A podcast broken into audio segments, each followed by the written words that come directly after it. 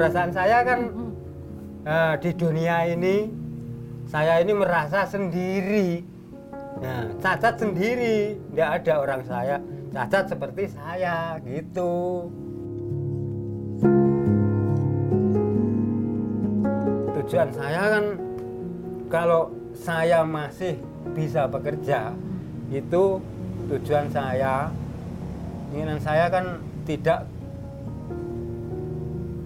gumantung du- kepada Orang lain. saudara gitu ingin mandiri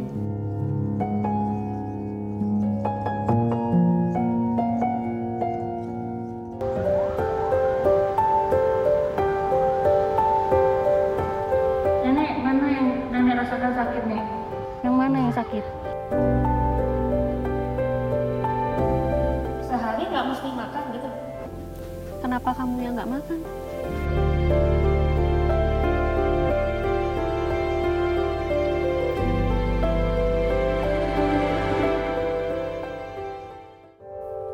Data Susenas tahun 2020 mencatat bahwa jumlah penyandang disabilitas di Indonesia mencapai 22,97 juta jiwa. Dari jumlah tersebut, angka terbanyak ataupun jumlah terbanyaknya adalah pada usia lansia. Dan kisah berbuat baik pada kali ini adalah tentang kegigihan seorang laki-laki penyandang disabilitas di Ponorogo, Jawa Timur. Meski fisiknya tidak sempurna, namun ia tetap bisa menjalankan kehidupan sehari-hari.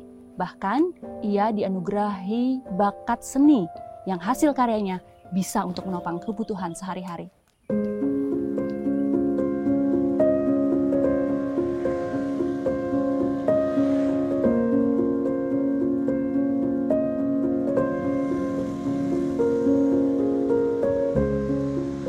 Sinar matahari mulai menghangatkan tiap sudut perkampungan di lereng Pegunungan Wilis.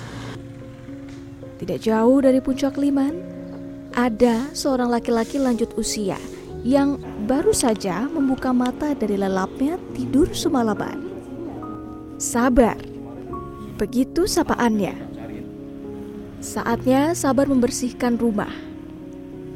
Batang sapu dipegangnya dengan cara dikaitkan di antara lengan dan tulang rusuk samping. Iya, Sabar adalah penyandang disabilitas daksa. Laki-laki asal Pulung, Ponorogo, Jawa Timur ini terlahir tidak memiliki tangan. Tangan kanan dan kirinya sebatas tulang lengan yang tumbuh sempurna.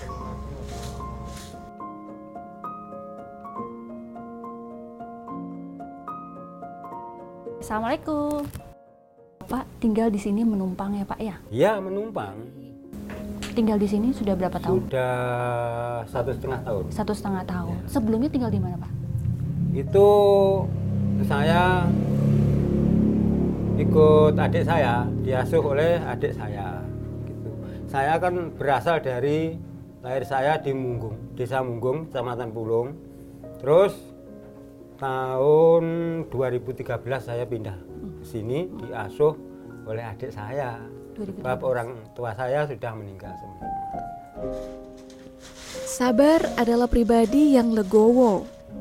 Pria yang memiliki kelainan kongenital ini pun mengurungkan niat melakukan operasi penyambungan tangan.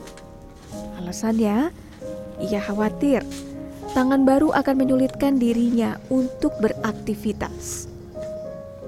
Memang sudah pernah ingin apa?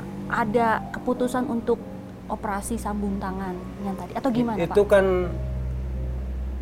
yang punya rencana nih itu kan di Solo itu loh Ya, di Solo itu kan di sana kan banyak orang mencari sambungan ya.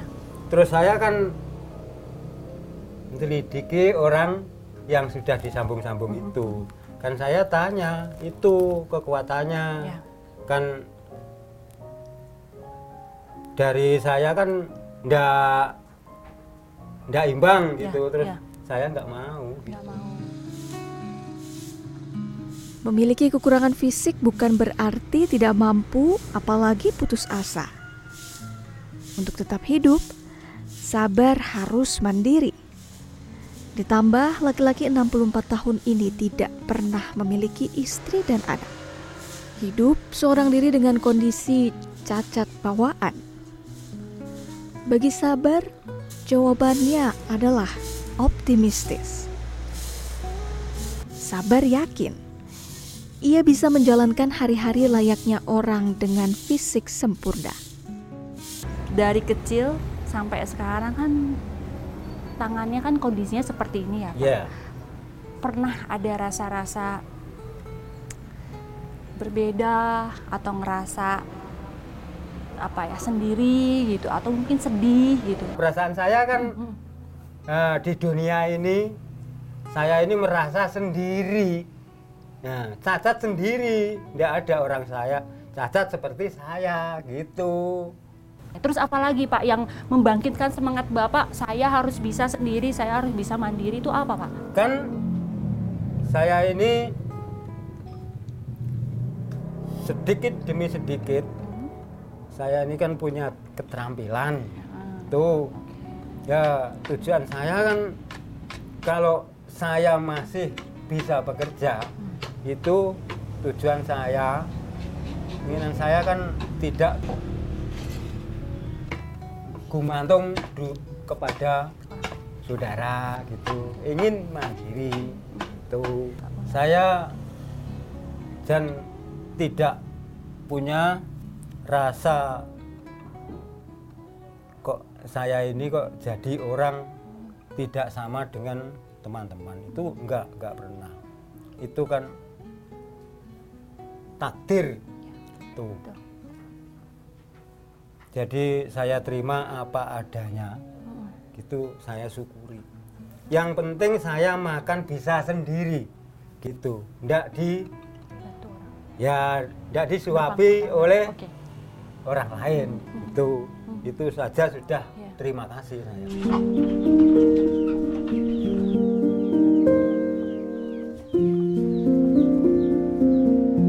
Setelah rampung merapikan rumah, Sabar mulai bergerak ke kebun. Ia membawa cangkul dan arit sendiri. Alat pertanian ini digunakan untuk membuat bedengan lahan yang akan ditanam bibit jagung. Sebagai imbalan hasil keringatnya, Sabar tidak langsung mendapatkan rupiah saat itu juga. Namun penghasilannya didapat dari sistem bagi hasil panen. Sabar juga mahir menggunakan arit saat mengambil daun singkong untuk pakan kelinci miliknya.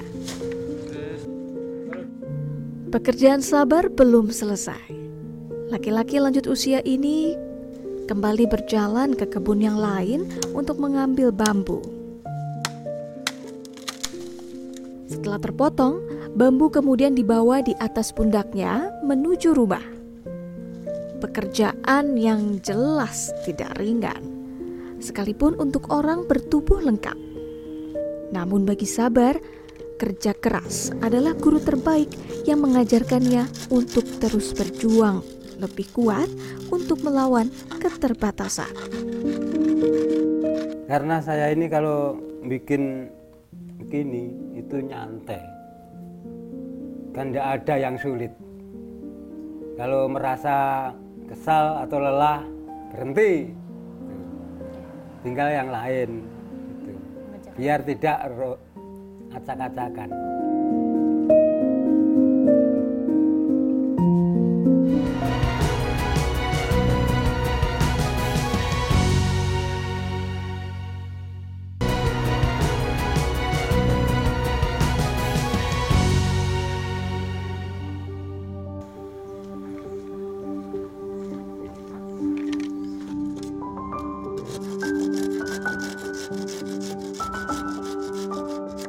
Sesampainya di rumah, Sabar lanjut memotong bambu menjadi ukuran lebih kecil.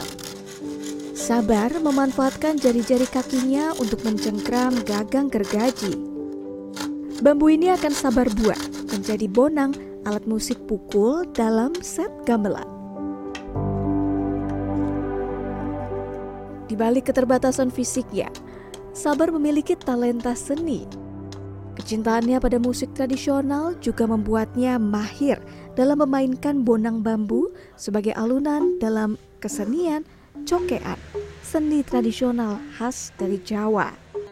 Sebuah pengalaman seni yang belum tentu bisa dilakukan bahkan dicintai oleh orang normal sekalipun.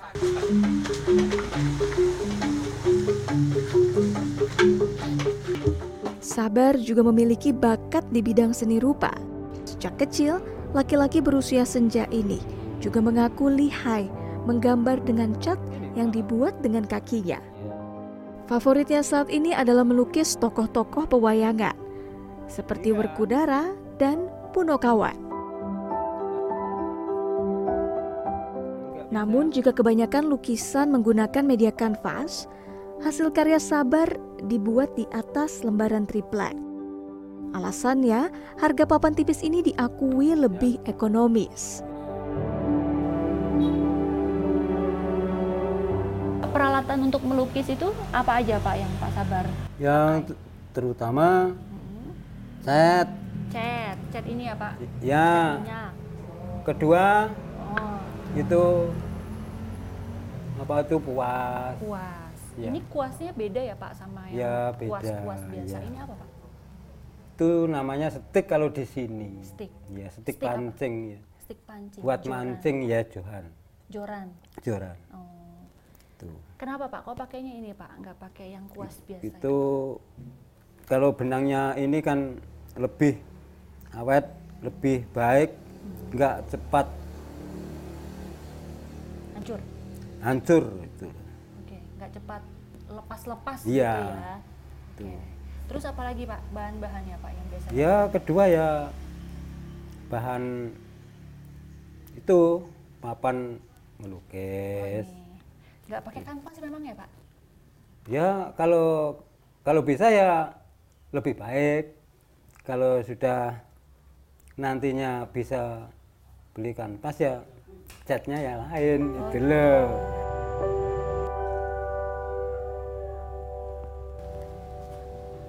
Saat melukis, Sabar seakan mengabaikan kondisi fisiknya. Ia melakoni hobinya dengan hati bahagia. Karena tiap goresan dinilai mampu mewakili perasaannya. Selain untuk menuangkan kreativitas, ia juga mendapatkan penghasilan dari hasil karyanya. Namun keberuntungan belum sepenuhnya menghampiri Sabar. Yang mengenal karya lukisannya baru sebatas tempat tinggalnya saja. Padahal ia berharap lukisannya bisa dikenal oleh banyak orang. Saat ini Sabar akan melukis jika ada pesanan saja. Harga jual lukisannya di kisaran 100 ribu rupiah. Jumlah uang yang tidak seberapa untuk mencukupi kebutuhan sehari-hari ke depan. Pakai Ada kaki kesulitan tersendiri gitu nggak Pak saat melukis? Apa Pak biasanya Pak yang dirasakan? nggak ada Bagian-bagian apa saat membentuk apa? Nggak. pola Kalau apa gitu? lebih ngati-ngati itu kan yang yang paling kecil Ya. itu hanya itu kalau lainnya ya karena saya ini kalau bikin begini itu nyantai kan tidak ada yang sulit kalau merasa kesal atau lelah berhenti Tuh. Oke. tinggal yang lain gitu.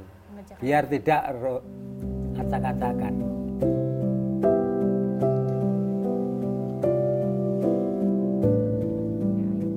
Seni bukan tentang oleh siapa, tetapi soal karya.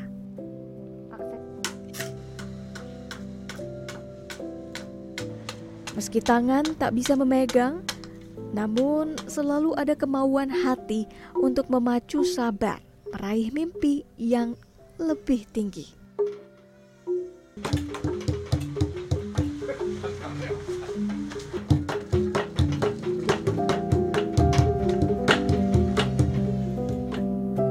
Meski kerap dipandang sebelah mata oleh sebagian orang, namun bagi Sabar tidak ada yang tidak mungkin selama ia mau berusaha. Bahkan dengan keterbatasan fisiknya, ia bisa menjadi inspirasi untuk banyak orang.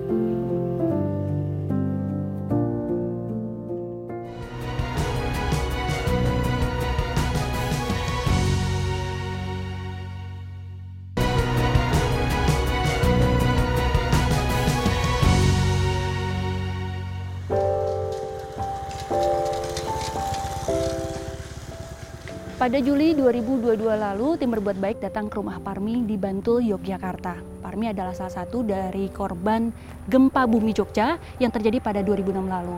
Dan saat ini kondisi tubuh Parmi mengalami kelumpuhan. Tim berbuat baik kembali datang ke rumah Parmi untuk memberikan donasi. Dan dari hasil donasi tersebut dimanfaatkan untuk perbaikan rumah dan juga untuk membuka usaha.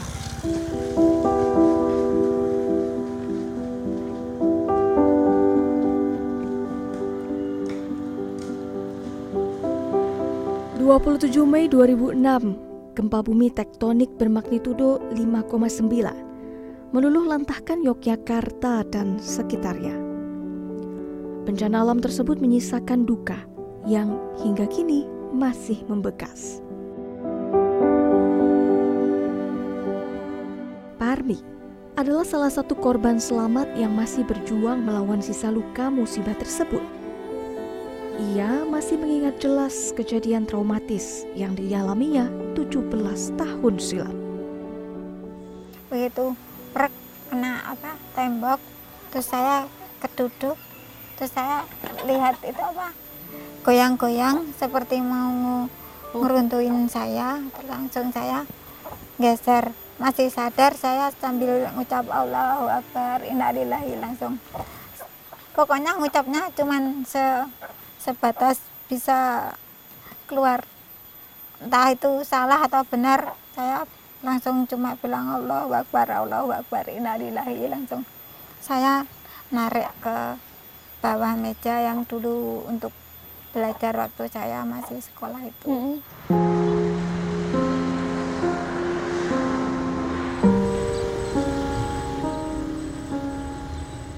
Tertimpa reruntuhan bangunan akibat goncangan gempa Parmi kini menderita penggumpalan darah pada otak, saraf tangan, kaki, serta daya indera penglihatan dan pendengarannya ikut melemah. Kondisi malang ini tidak membuat Parmi menyerah. Perlahan, ia menata hidup meski harus berjibaku di atas kursi roda.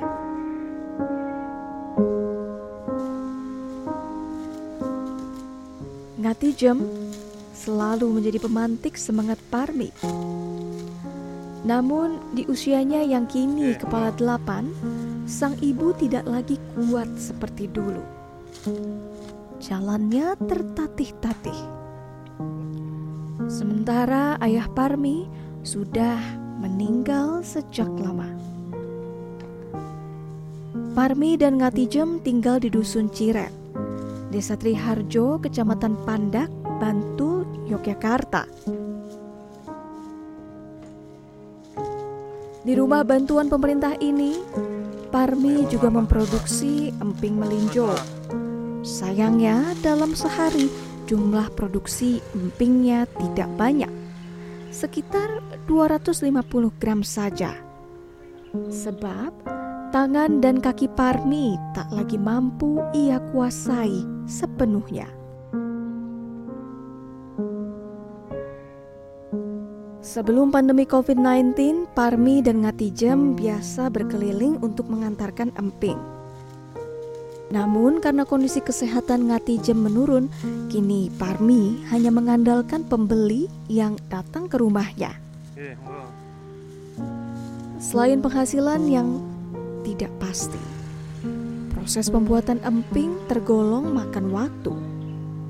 Untuk mengumpulkan lebih banyak rupiah, Parmi juga menjual jenis keripik lainnya.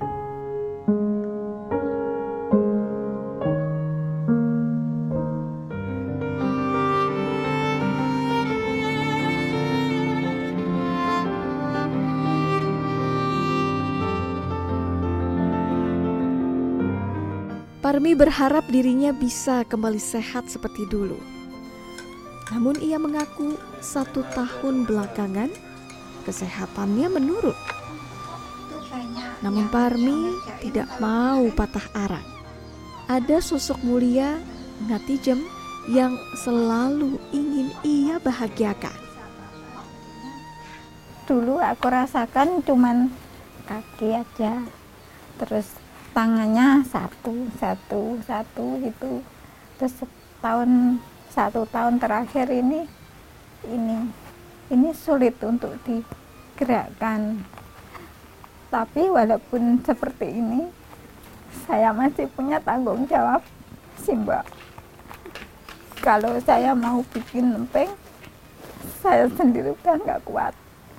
Tapi kalau Simba yang harus kerja saya merasa kasihan. Makanya saya berusaha tetap berusaha mencari solusi.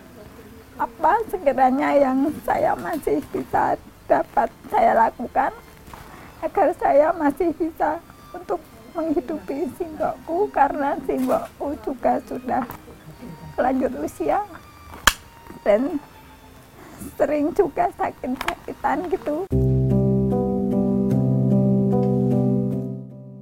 Bagi Parmi, tidak ada hal yang lebih berharga dari cinta dan perhatian Ngatijem. Namun kepedulian sahabat baik turut menoreh semangatnya untuk terus melanjutkan hidup.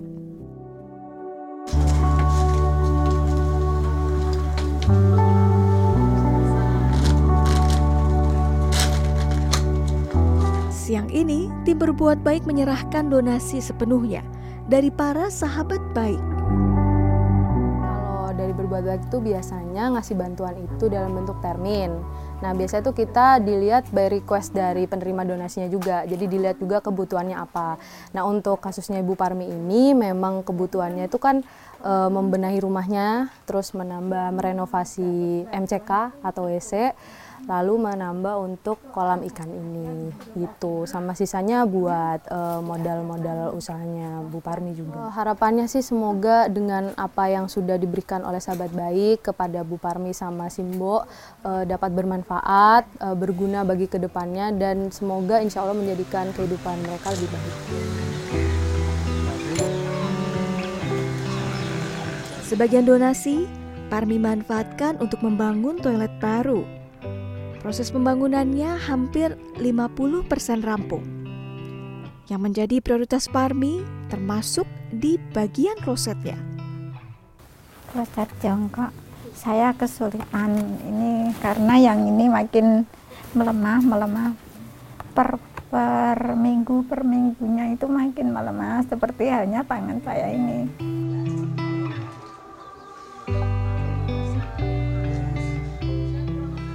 Bantuan dari sahabat baik juga Parmi gunakan untuk budidaya ikan lele yang ia bangun tepat di samping rumahnya. Kolam berukuran 4 kali 3 meter saat ini menampung ratusan lele yang masih berusia satu setengah bulan. Ikan lele siap panen saat usia 4 bulan. Kalau bikin empeng, saya rasa itu tangan saya makin melemah karena saya itu ternyata mengidap penyakit LS itu kelemahan motorik kata apa kemarin lupa yang dijelaskan sama dokter.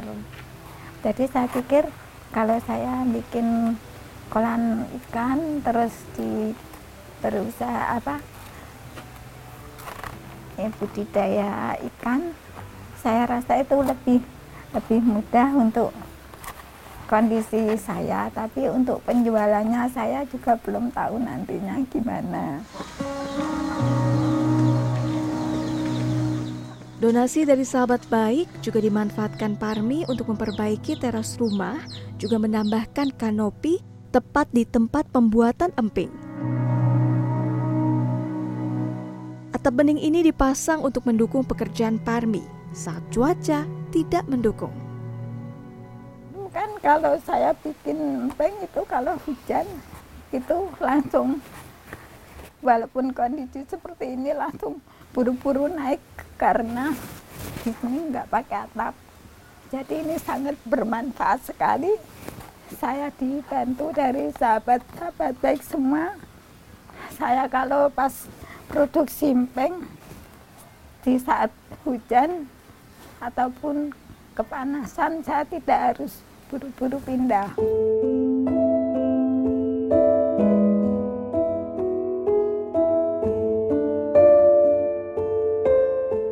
Dari Parmi, kita belajar bahwa tidak ada kekurangan yang dapat menghalangi perjuangan.